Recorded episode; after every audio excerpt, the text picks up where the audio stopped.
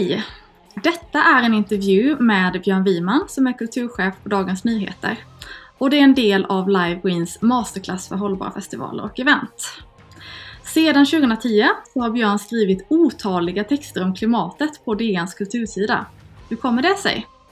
Hur ser han på kulturens roll för en demokratisk och hållbar utveckling? Hur pratar vi egentligen om komplexa och dystopiska utmaningar utan att skrämma folk? Hur förhåller vi oss till ett ständigt flöde av information och nyheter inom hållbarhetsområdet? Och vem ska egentligen leda förändringen i samhället? Ja, det är några saker vi kommer att prata om. Jag känner på mig att det här kommer bli ett väldigt spännande samtal. Välkommen hit Björn! Tack så mycket, vad roligt att vara här. Ja, men jättekul. Jag tänker om du kan börja med att berätta lite kort om dig själv och din roll på Dagens Nyheter.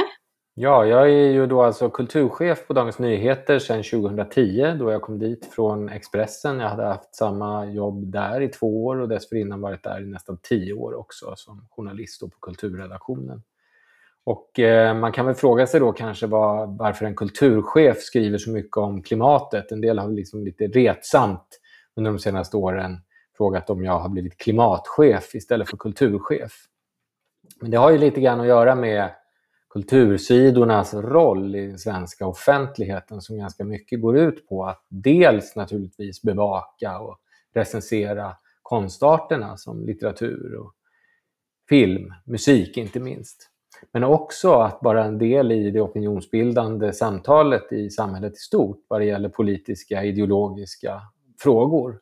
Och i, i det fallet så ingår ju i allra högsta grad också klimatkrisen. Och jag har ju skrivit om den ur, just ur ett kulturellt perspektiv ganska mm. mycket under 10-talets första år.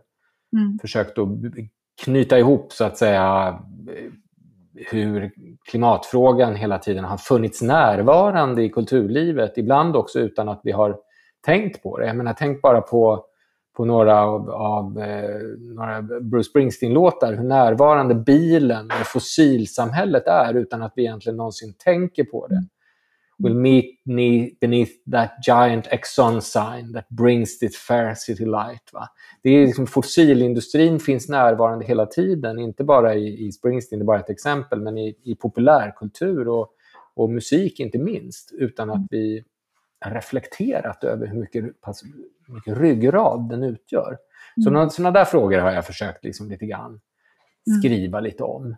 Mm. Men sedan 2018 då, som ni kanske minns, var en väldigt varm och som många upplevde en väldigt skräckinjagande sommar här i Sverige faktiskt, så har ju mitt engagemang och mitt intresse för klimatkrisen och hållbarhetsfrågan intensifierats. Så sedan dess har jag börjat skriva mycket mer intensivt om det nu. Så nu säger kollegor lite elakt sådär att Björn Wiman han skriver bara om klimatet. Han skriver aldrig om någonting annat. Han skriver om det varje söndag. Och det är inte riktigt sant, men, men det ligger någonting i det därför att jag försöker verkligen hålla den här frågan så högt som jag tycker att den förtjänar att hållas. Det här är ju den absolut avgörande frågan för alla samhällsområden i framtiden. Det handlar inte bara om miljö, som många kanske ibland tror att det är. Ja, det är de där miljömupparna som är intresserade av klimatet eller som engagerar sig för miljön.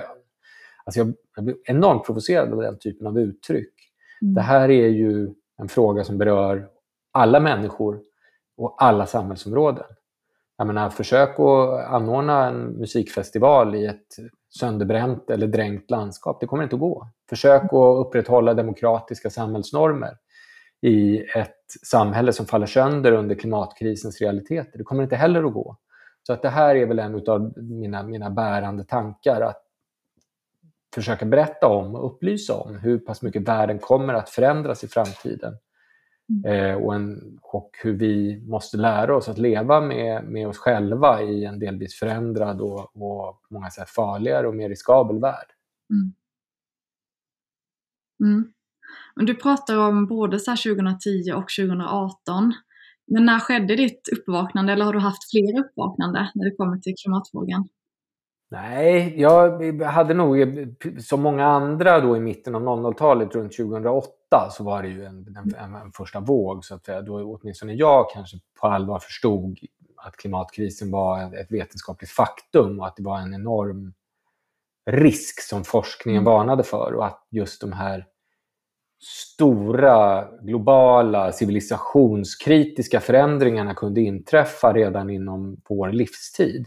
Mm. Så det var väl mitt så att säga, första uppvaknande. Däremot har jag nog alltid varit intresserad i bredare bemärkelse av den typen av existentiella ödesfrågor, om jag får uttrycka mig så. Jag var starkt engagerad under 80-talet i, i fredsrörelsen och, och eh, anti, antikärnkraft, arbetet mot, mot eh, kärn, kärnvapenupprustningen.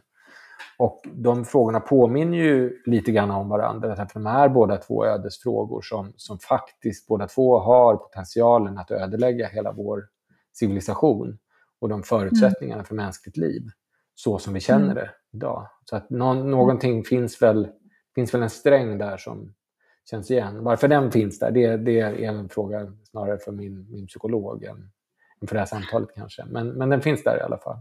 Mm. mm. Ja, men mitt uppvaknande skedde ju också där någonstans 2008-2009 så jag känner igen det. Det var ju lite en jag upplevde att det var lite så light-rörelse av vad vi ser idag med Fridays for Future. Det var många som från min region Blekinge som åkte till Köpenhamn i anslutning till klimatmötet som var runt den vevan. Så att det var mycket frustration.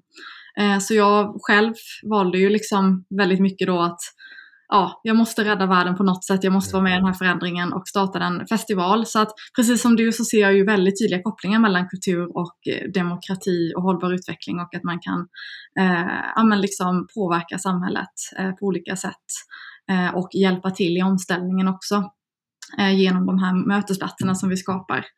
Eh, men en liten kanske off-fråga sådär, men ändå så här, jag tänker, det är många festivalarrangörer som, kommer, eh, som går den här masterklassen. Eh, vad är din eh, personliga relation till just musikfestivaler? Ja, ganska svag faktiskt. Jag, vet, och jag har lite svårt att svara på varför. Därför att jag, jag på något sätt alltid känt mig som att jag har hamnat lite för ung för Roskilde och lite för gammal för Hultsfred på något sätt så har jag hamnat emellan där. Mm, okay. Så att eh, den musikfestival som jag nu senare år har drömt om att besöka mer än någon annan, det är nog eh, Wagnerfestivalen i Bayreuth i Sydtyskland.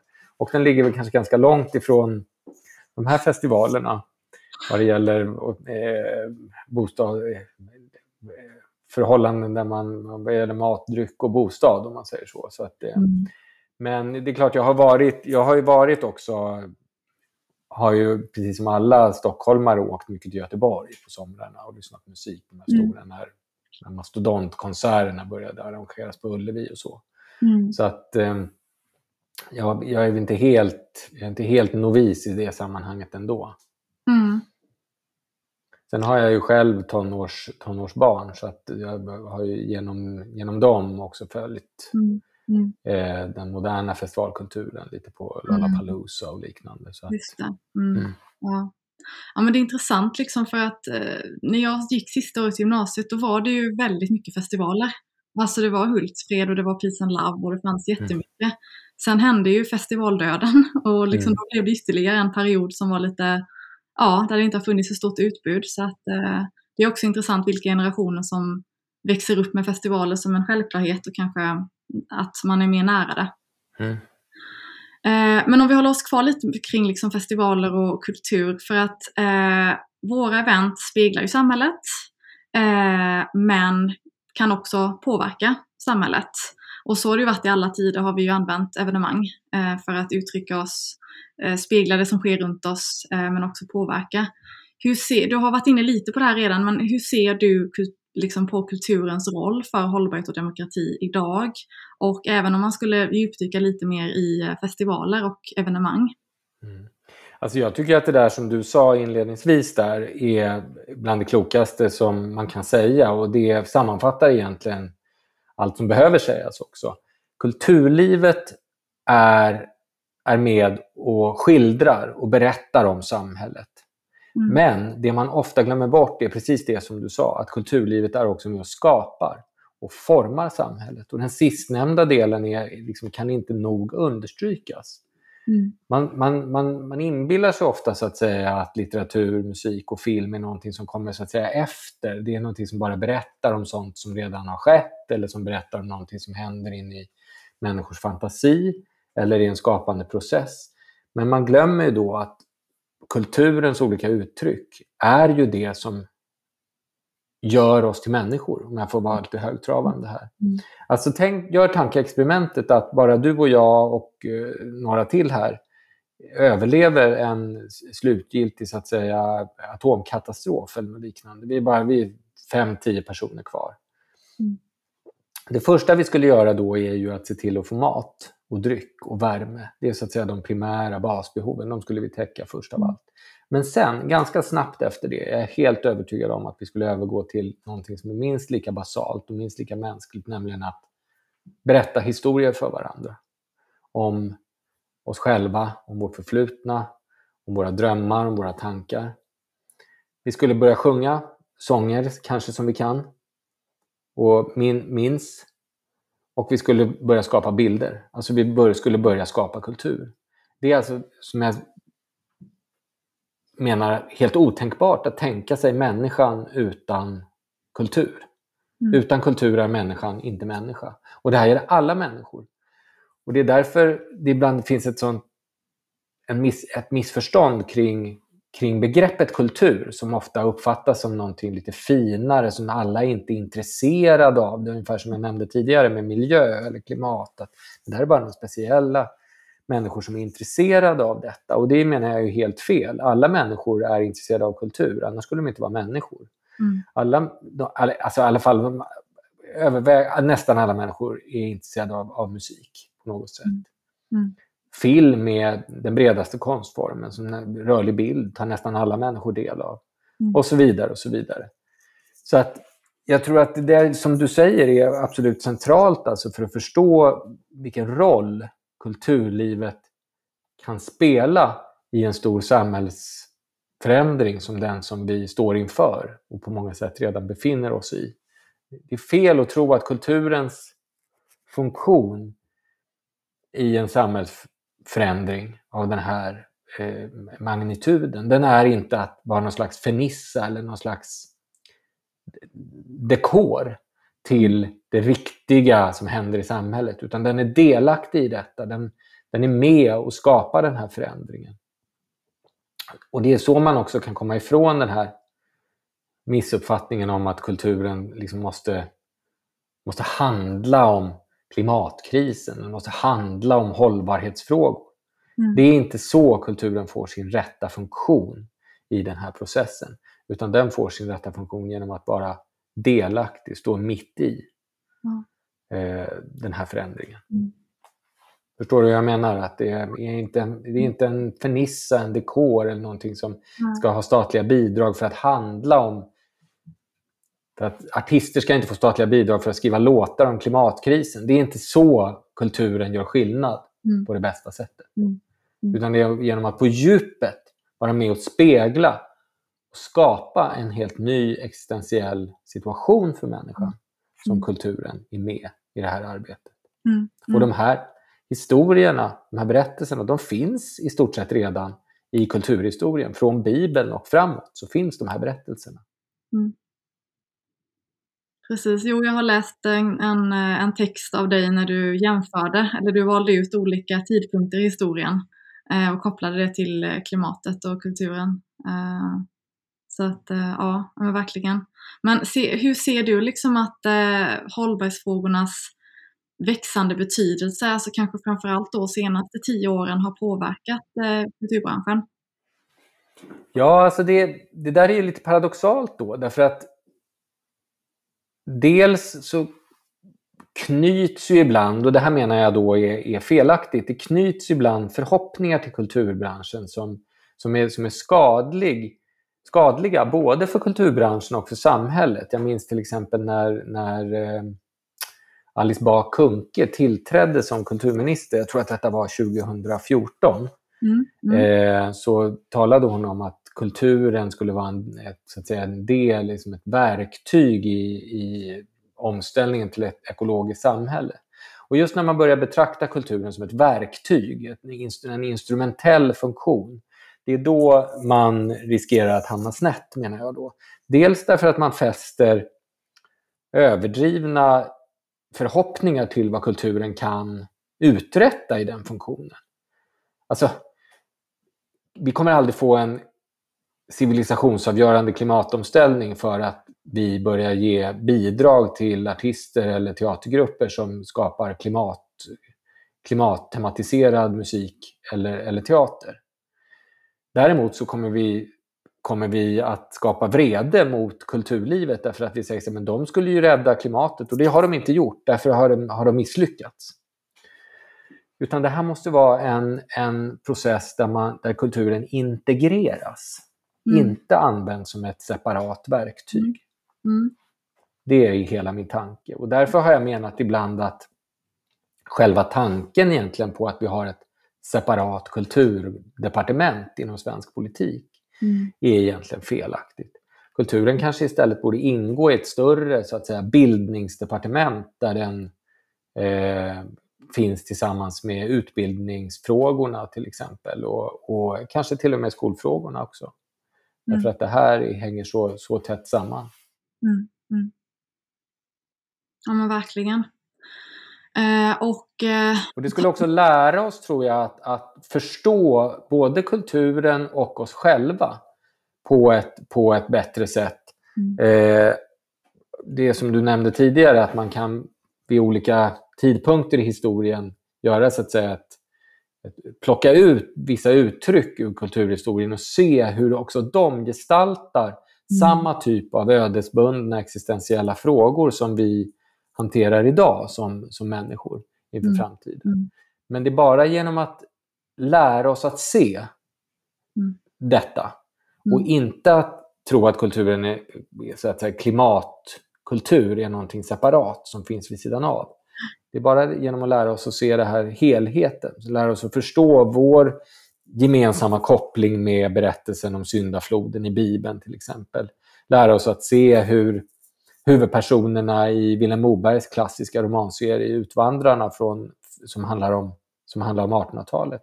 Hur också de slåss med förändrade klimatologiska förutsättningar, hur de slåss mot missväxt och torka och, och eh, oväder.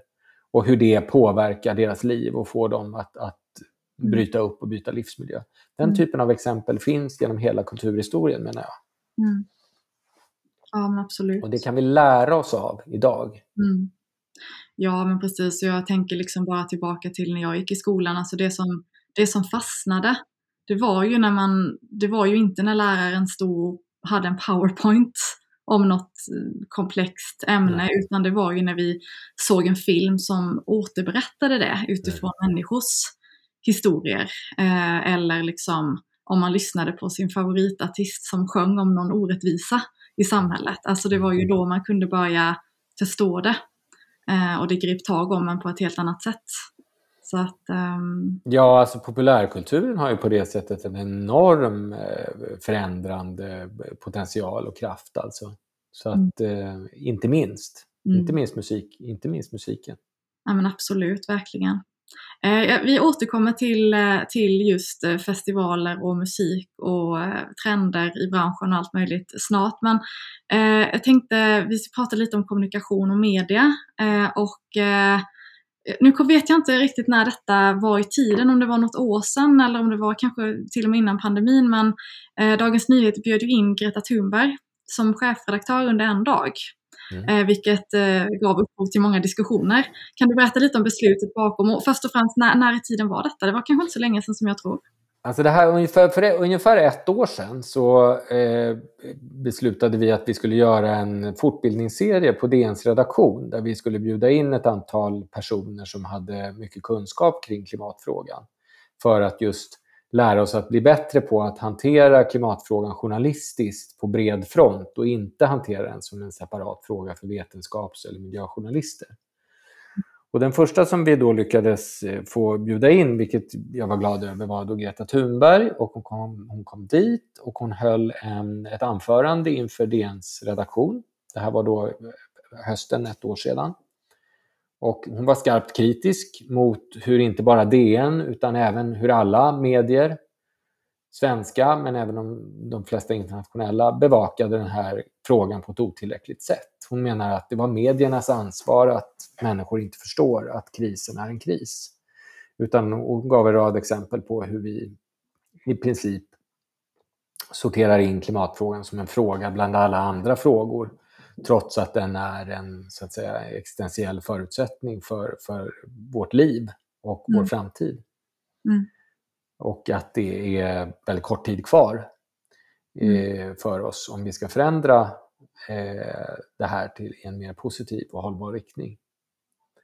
Och då eh, kom en idé inifrån DNs redaktion om att vad ska vi inte låta Greta vara chefredaktör en dag och bestämma innehållet i Dagens Nyheter och visa vad, hur hon egentligen tycker att tidningen ska göras då eftersom att hon är så kritisk. Och det där var ju en utmaning som var lite för bra för att egentligen tacka nej till tyckte vi. Så att vi, vi beslutade oss för att göra det här. Och det blev ju, som du säger, det blev ju eh, starkt ifrågasatt på, på sina håll, både internt på tidningen men också externt i, i branschen och man, man kallade det för ett jippo. Man sa att det här var ett hot mot så att säga, den fria journalistiken och skulle nu en aktivist komma in och chefredaktör. Och det var en rad olika uppfattningar som fanns där som är en viktig diskussion som man ska ha respekt för och den var ju delvis också, den, den hade vi naturligtvis förstått att den skulle komma. Men jag tror att när man väl såg resultatet sen då som, som vi publicerade i början av december förra året, 2020, så var det ju en kraftfull uppvisning skulle jag vilja säga i en presentation av en vetenskaplig verklighet som ju nu än en gång har, har understrukits nu i den senaste IPCC-rapporten. Och det vi gjorde i stort sett den dagen, det var ju en, en idé som fanns där på ett tidigt stadium också som ligger väl i linje med det som Greta Thunberg har kommunicerat under, under, under sin tid i offentligheten. Lyssna på forskningen. Mm. Eh, och vad det gäller åsikter om klimatfrågan så finns det redan tillräckligt av dem. De behöver vi inte den här dagen. Utan vi tog bort i princip all opinionsjournalistik ur Dagens Nyheter den här dagen. Mm. Vi tog bort mm. leda, ledaren, som ju alltid mm. finns. Eh, varje söndag så skriver ju jag och chefredaktören Peter Wolodarski våra söndagskrönikor. Bort med dem. De behövs inte den här dagen. Eh, och istället satsade vi då på vetenskapsjournalistik, faktapresentation, eh, en stor intervju, som eh, ett samtal som vi gjorde mellan Greta Thunberg och eh, brittiske eh, tv-legenden David Attenborough. Bland annat, bland annat. Och en rad exempel på journalistik som handlade om den här frågan på, på bred front. Så att jag blev, vi blev väldigt eh, stolta och nöjda över resultatet här. Mm. Och det som det ledde till i förlängningen var ju att vi tog ju på DN en stort kliv framåt i vår bevakning av det här området. Mm. Vi hade ju för ett år sedan en väldigt duktig klimatreporter, Jannike Kilberg, som sysslade med det här på heltid.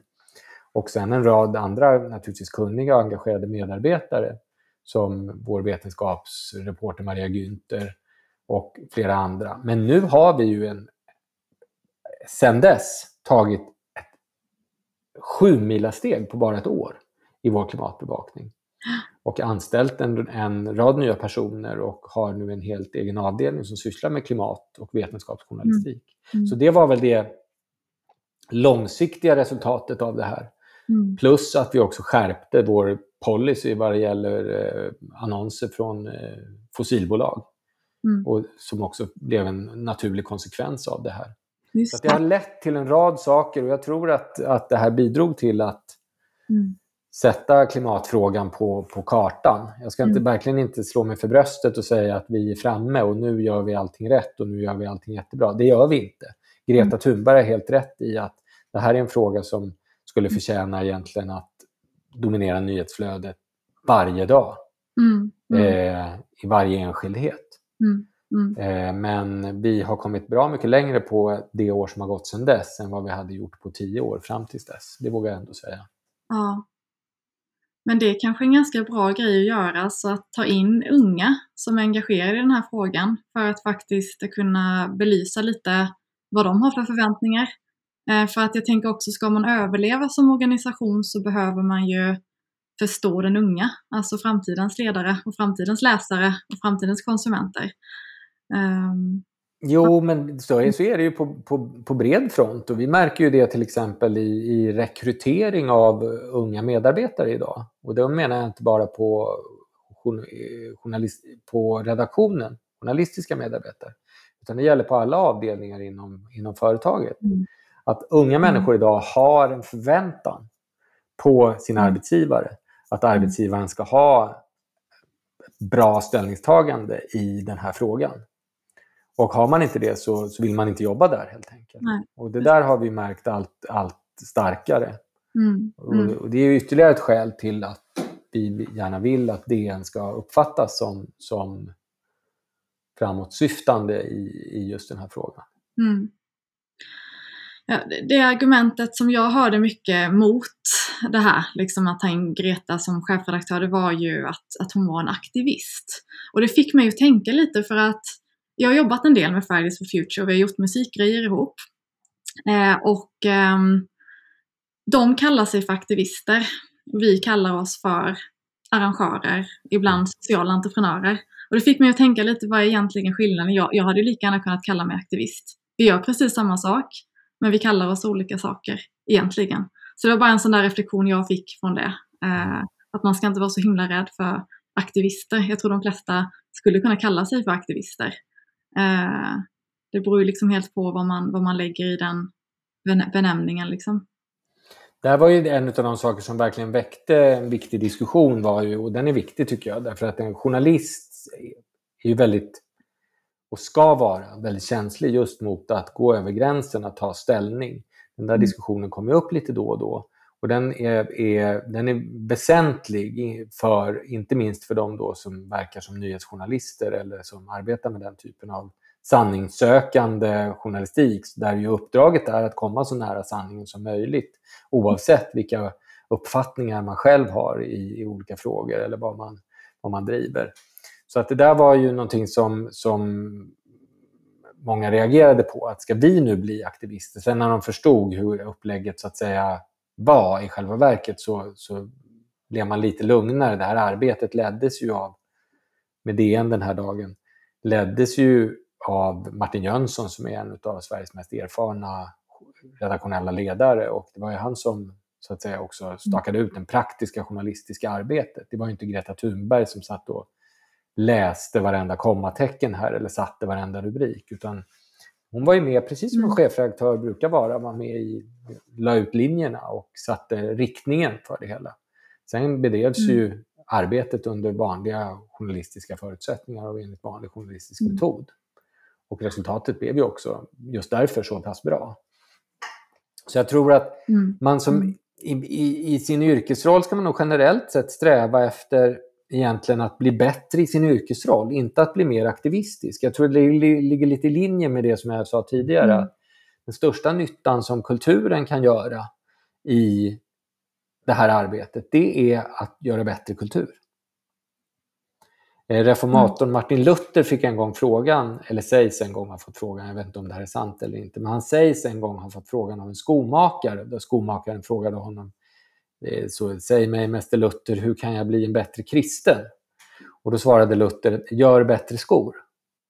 Och jag tror att det är precis så faktiskt som, som fallet även med oss som arbetar inom journalistiken. Hur kan vi bidra till, till eh, att stärka demokratin och att arbeta för, för en så trygg och säker värld och framtid som möjligt? Ja, gör bättre journalistik.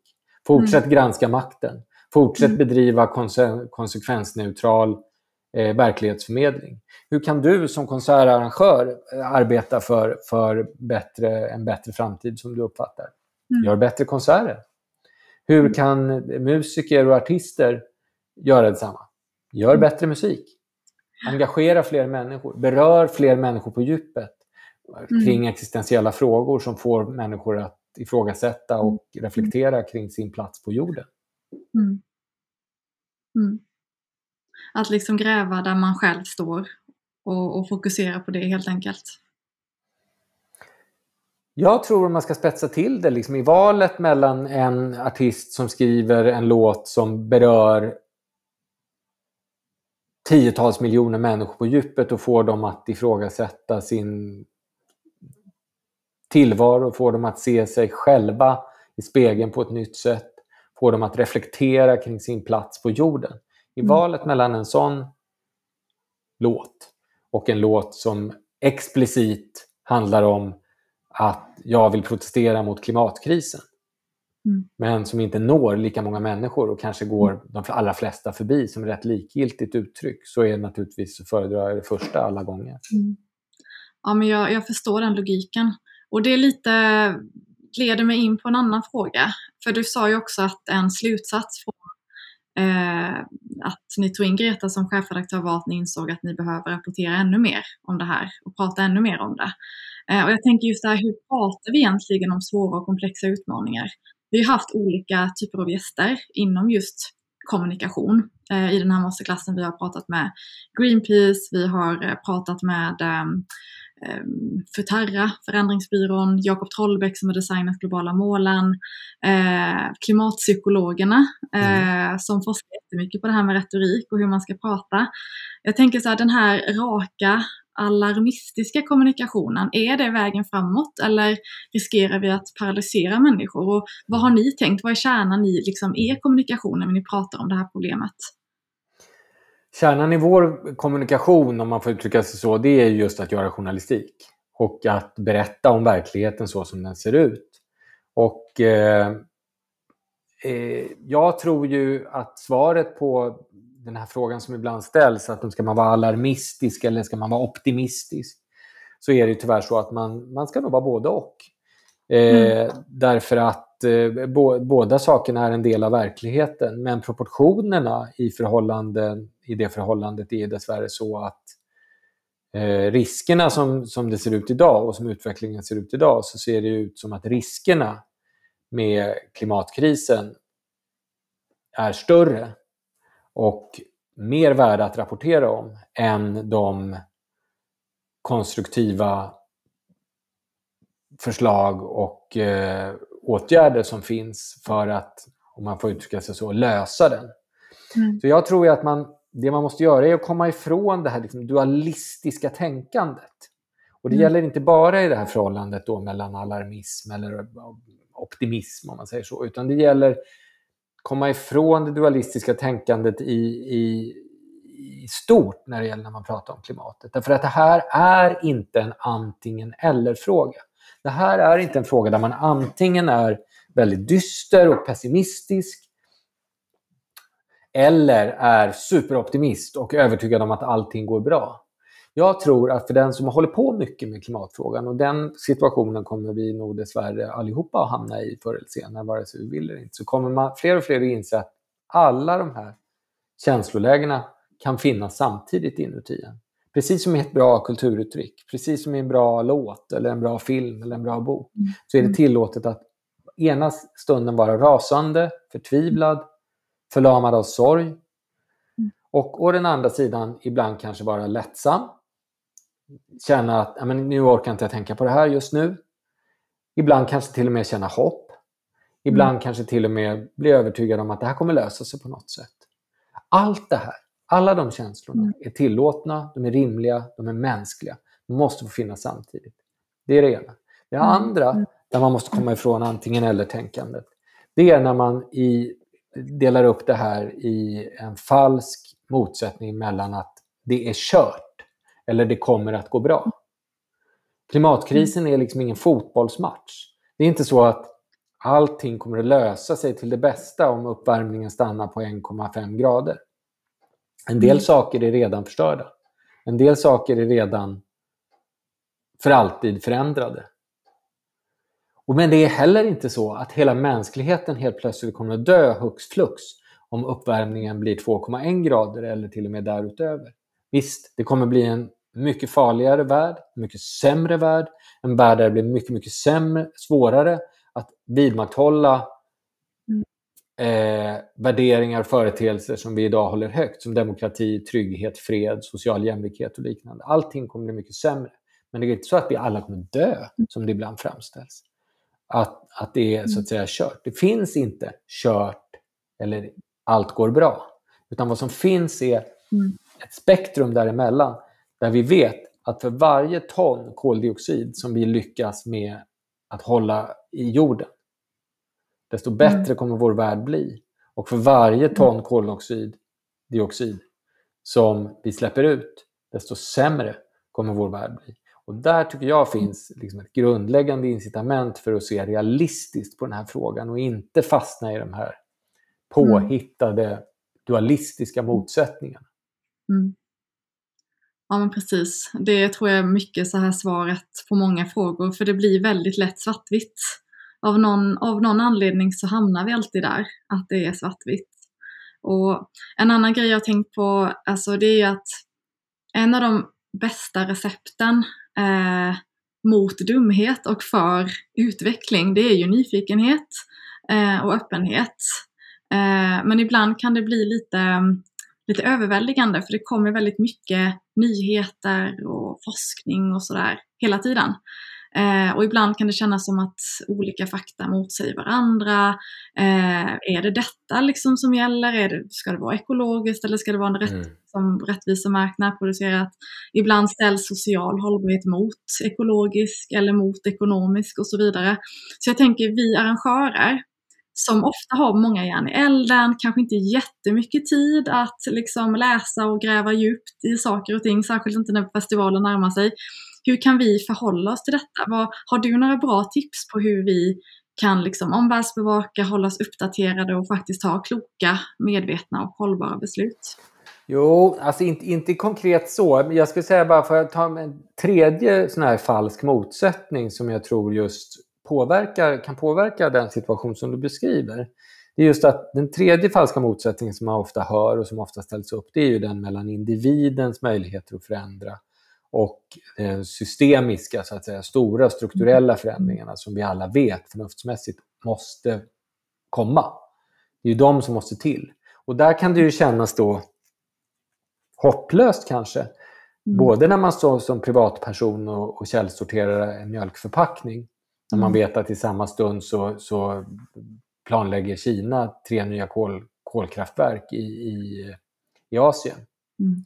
Men också tror jag då, för att anknyta till det, din konkreta situation som konsertarrangör när man liksom kanske sådär tillbakavisar en, en, en rider från en artist som innehåller en massa liksom, eh, onödiga köttprodukter eller när man planlägger en artists resor och tycker att kan du inte, det, det, där blir en onödig flygsträcka eller en onödig transport med, med lastbilen och liknande. Då kan man också tänka så här, men what the fuck, det spelar ju för fan ingen roll vad jag gör här eller om den där artisten får salami på sin rider eller om de åker långtradare från, från, liksom, från Växjö till Hultsfred eller låt oss säga någon, någonting här eh, istället, för, istället för elbil eller tåg. Det spelar väl ingen roll därför att det är liksom Kina eh, kommer ändå öppna ett nytt kolkraftverk imorgon och spy ut eh, sjukt mycket koldioxid.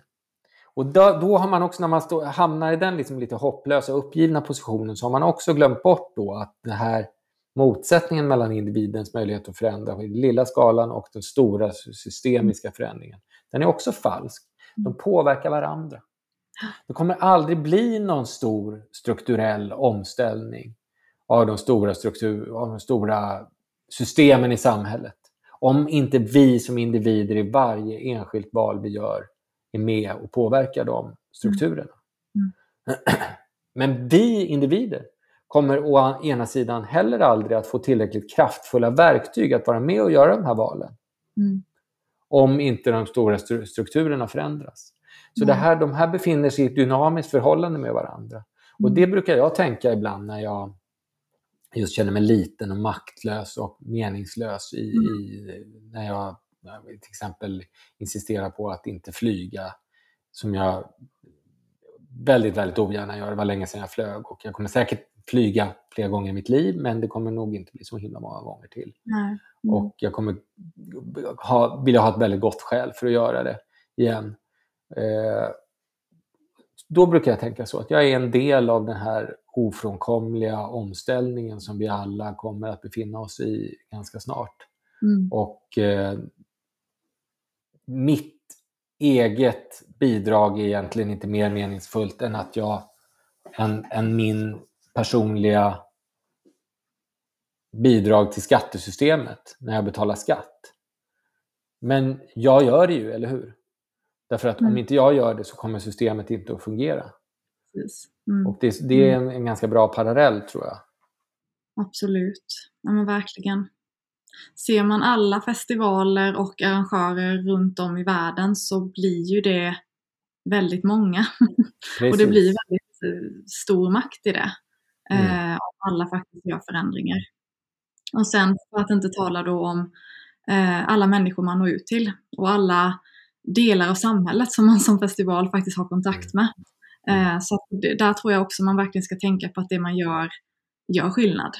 Liksom. Precis, jag menar har inte du själv varit med och, och påverkat en del eh, festivaler? Jag tänker på det här med Way Out West till exempel med deras eh, när de införde köttförbud här för några år sedan tycker jag var ganska intressant. Därför att det visade sig att det var inte bara så att köttkonsumtionen på själva festivalen gick ner utan det ledde ju också till att ett antal procent av de som hade besökt festivalen sen hade förändrat sina konsumtionsvanor Exakt. efteråt också därför att de hade kommit, kommit att tänka efter på grund av det här. Så det tycker jag är ett av de vackraste exemplen faktiskt på konkreta exempel på det här.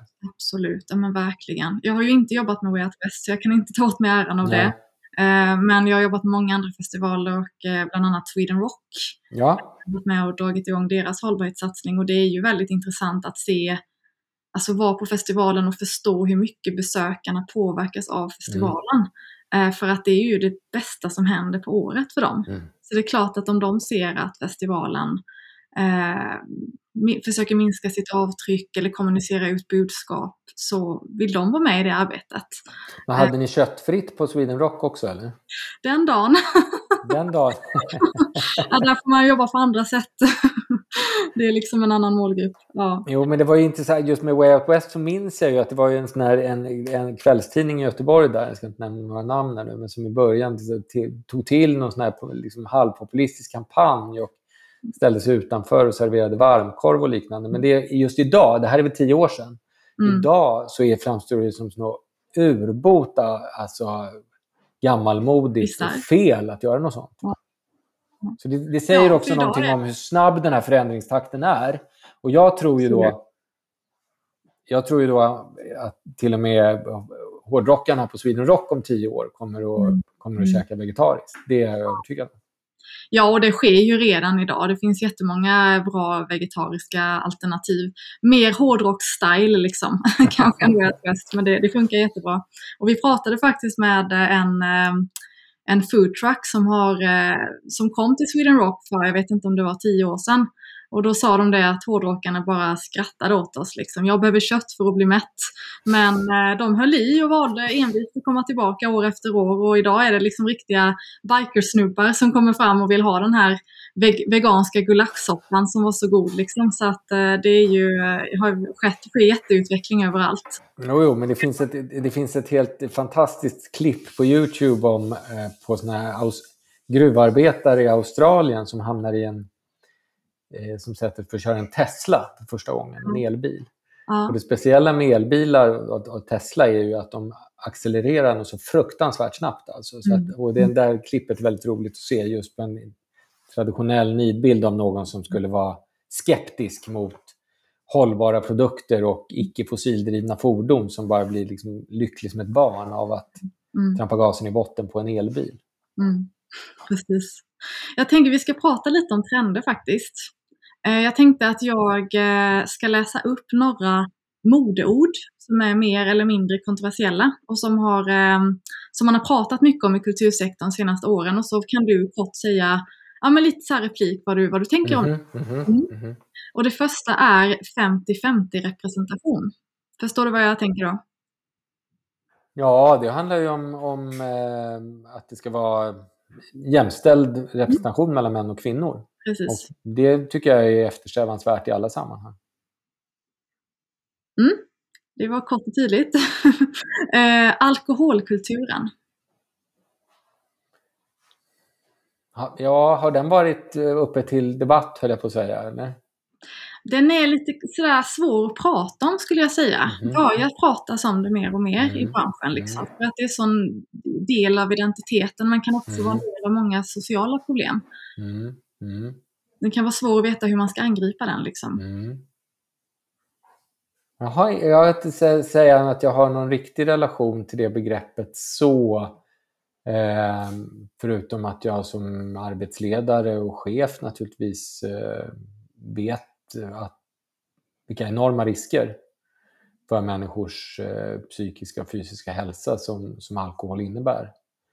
Eh, det är det. Samtidigt som jag tycker att det, är, det, det ligger nog mycket i det du säger att, att att det är en fråga som, som kanske samtalet börjar mogna lite grann kring. Kanske. Jag såg den här danska filmen med Mads Mikkelsen här för några veckor sedan. Till exempel om. En runda till heter den. Mm. Som ju sett, pekar väldigt starkt på hur stark, eh, pekar ju väldigt tydligt på hur starkt förankrad alkoholkulturen är i vår, vårt sätt att leva. Mm. Svårt att, ta, svårt att uttala mig mer positivt Mm, för eller emot. Det, det är lugnt. Ja. Eh, digital festival. Ah,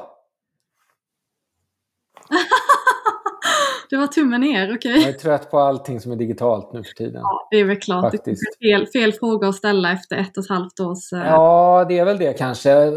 Å andra sidan så är väl, jag menar, frågan är ju inte ointressant därför att det, den här digitala omställningen som ju har gått på raketfart i ett och ett halvt år nu är ju, kommer ju att påverka, den kommer att förändra allt. Och Mm. många saker till det bättre. Mm, Jag menar, man diskuterar nu i, i Stockholm om, om Bromma flygplats ska läggas ner i förtid. Nej, men det är klart att den ska. Herregud.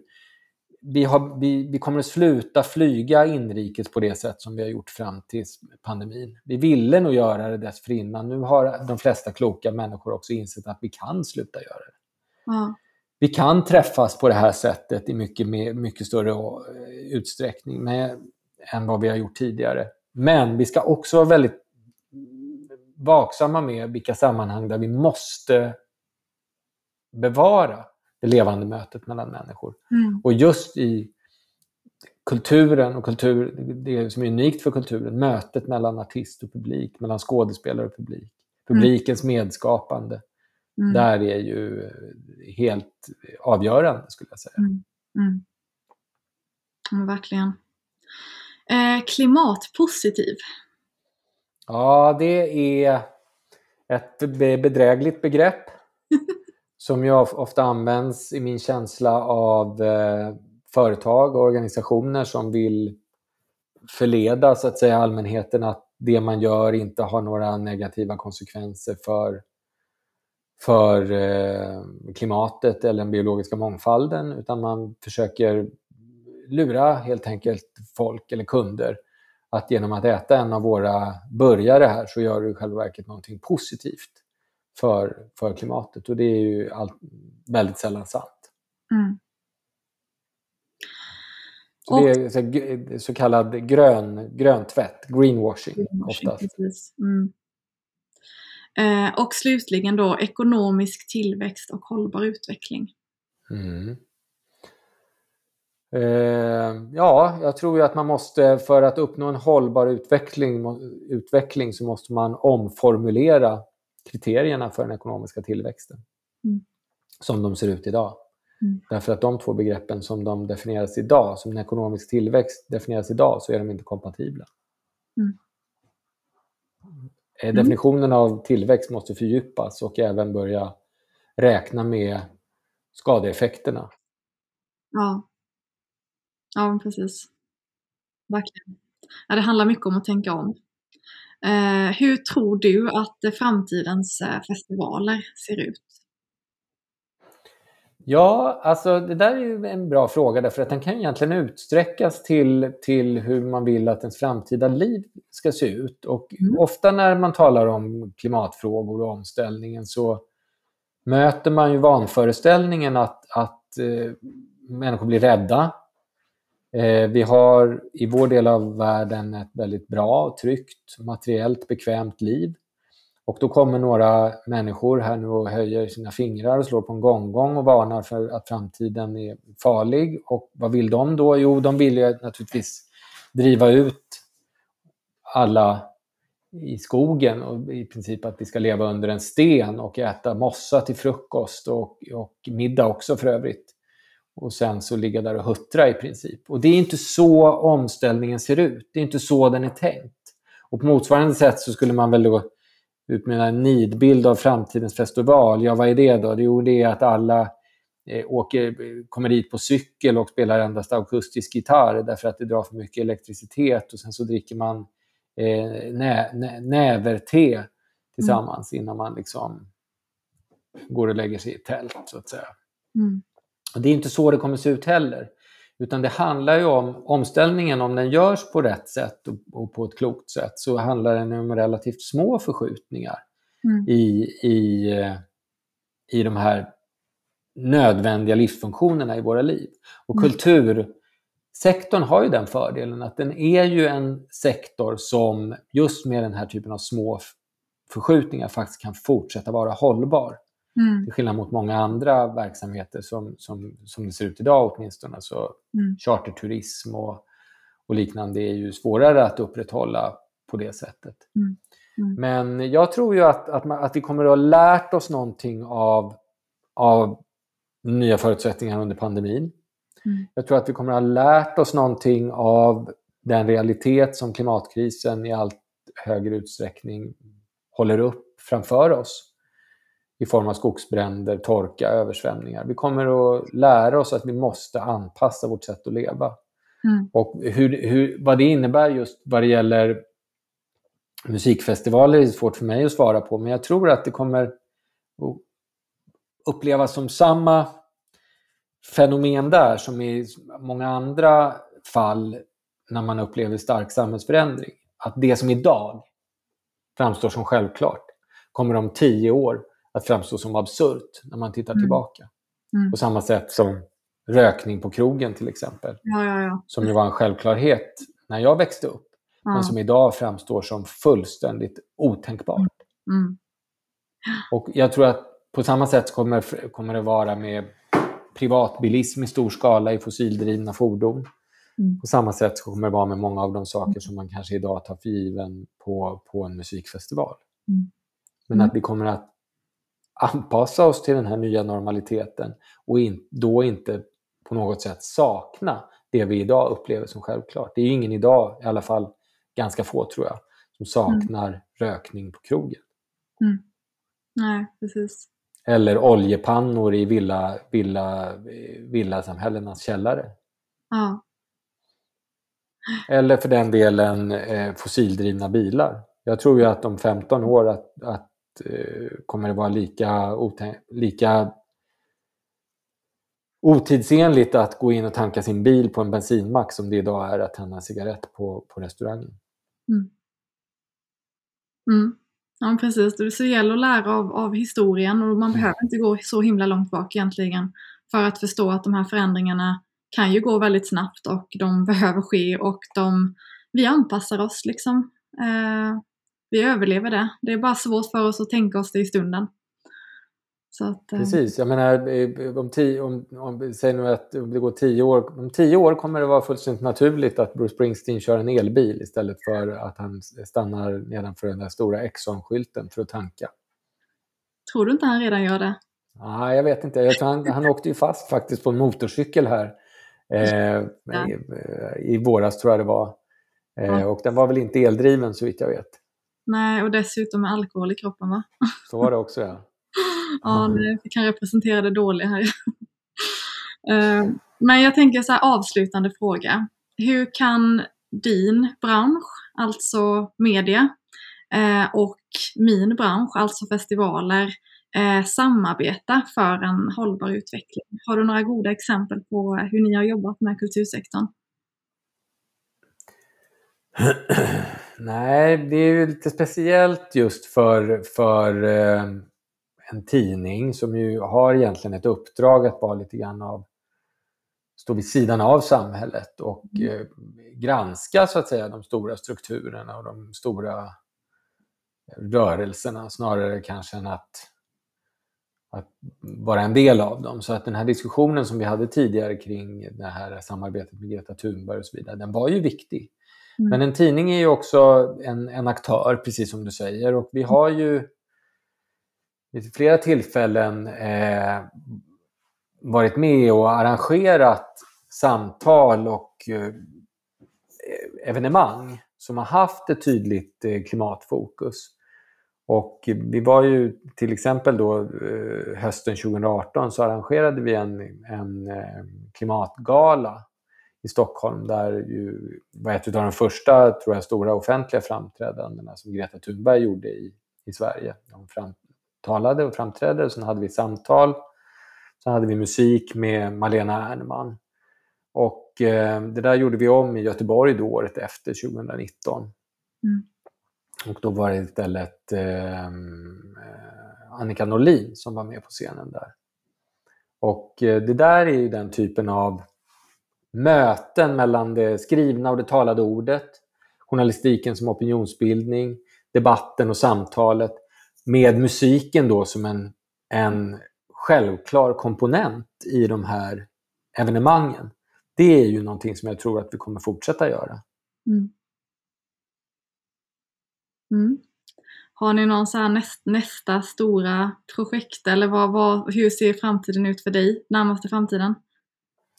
Nej, men nu har det ju väldigt mycket, tyvärr då, hamnat, hamnat i träda på grund av pandemin då, som man nu eh, börjar bli så trött på att säga nu.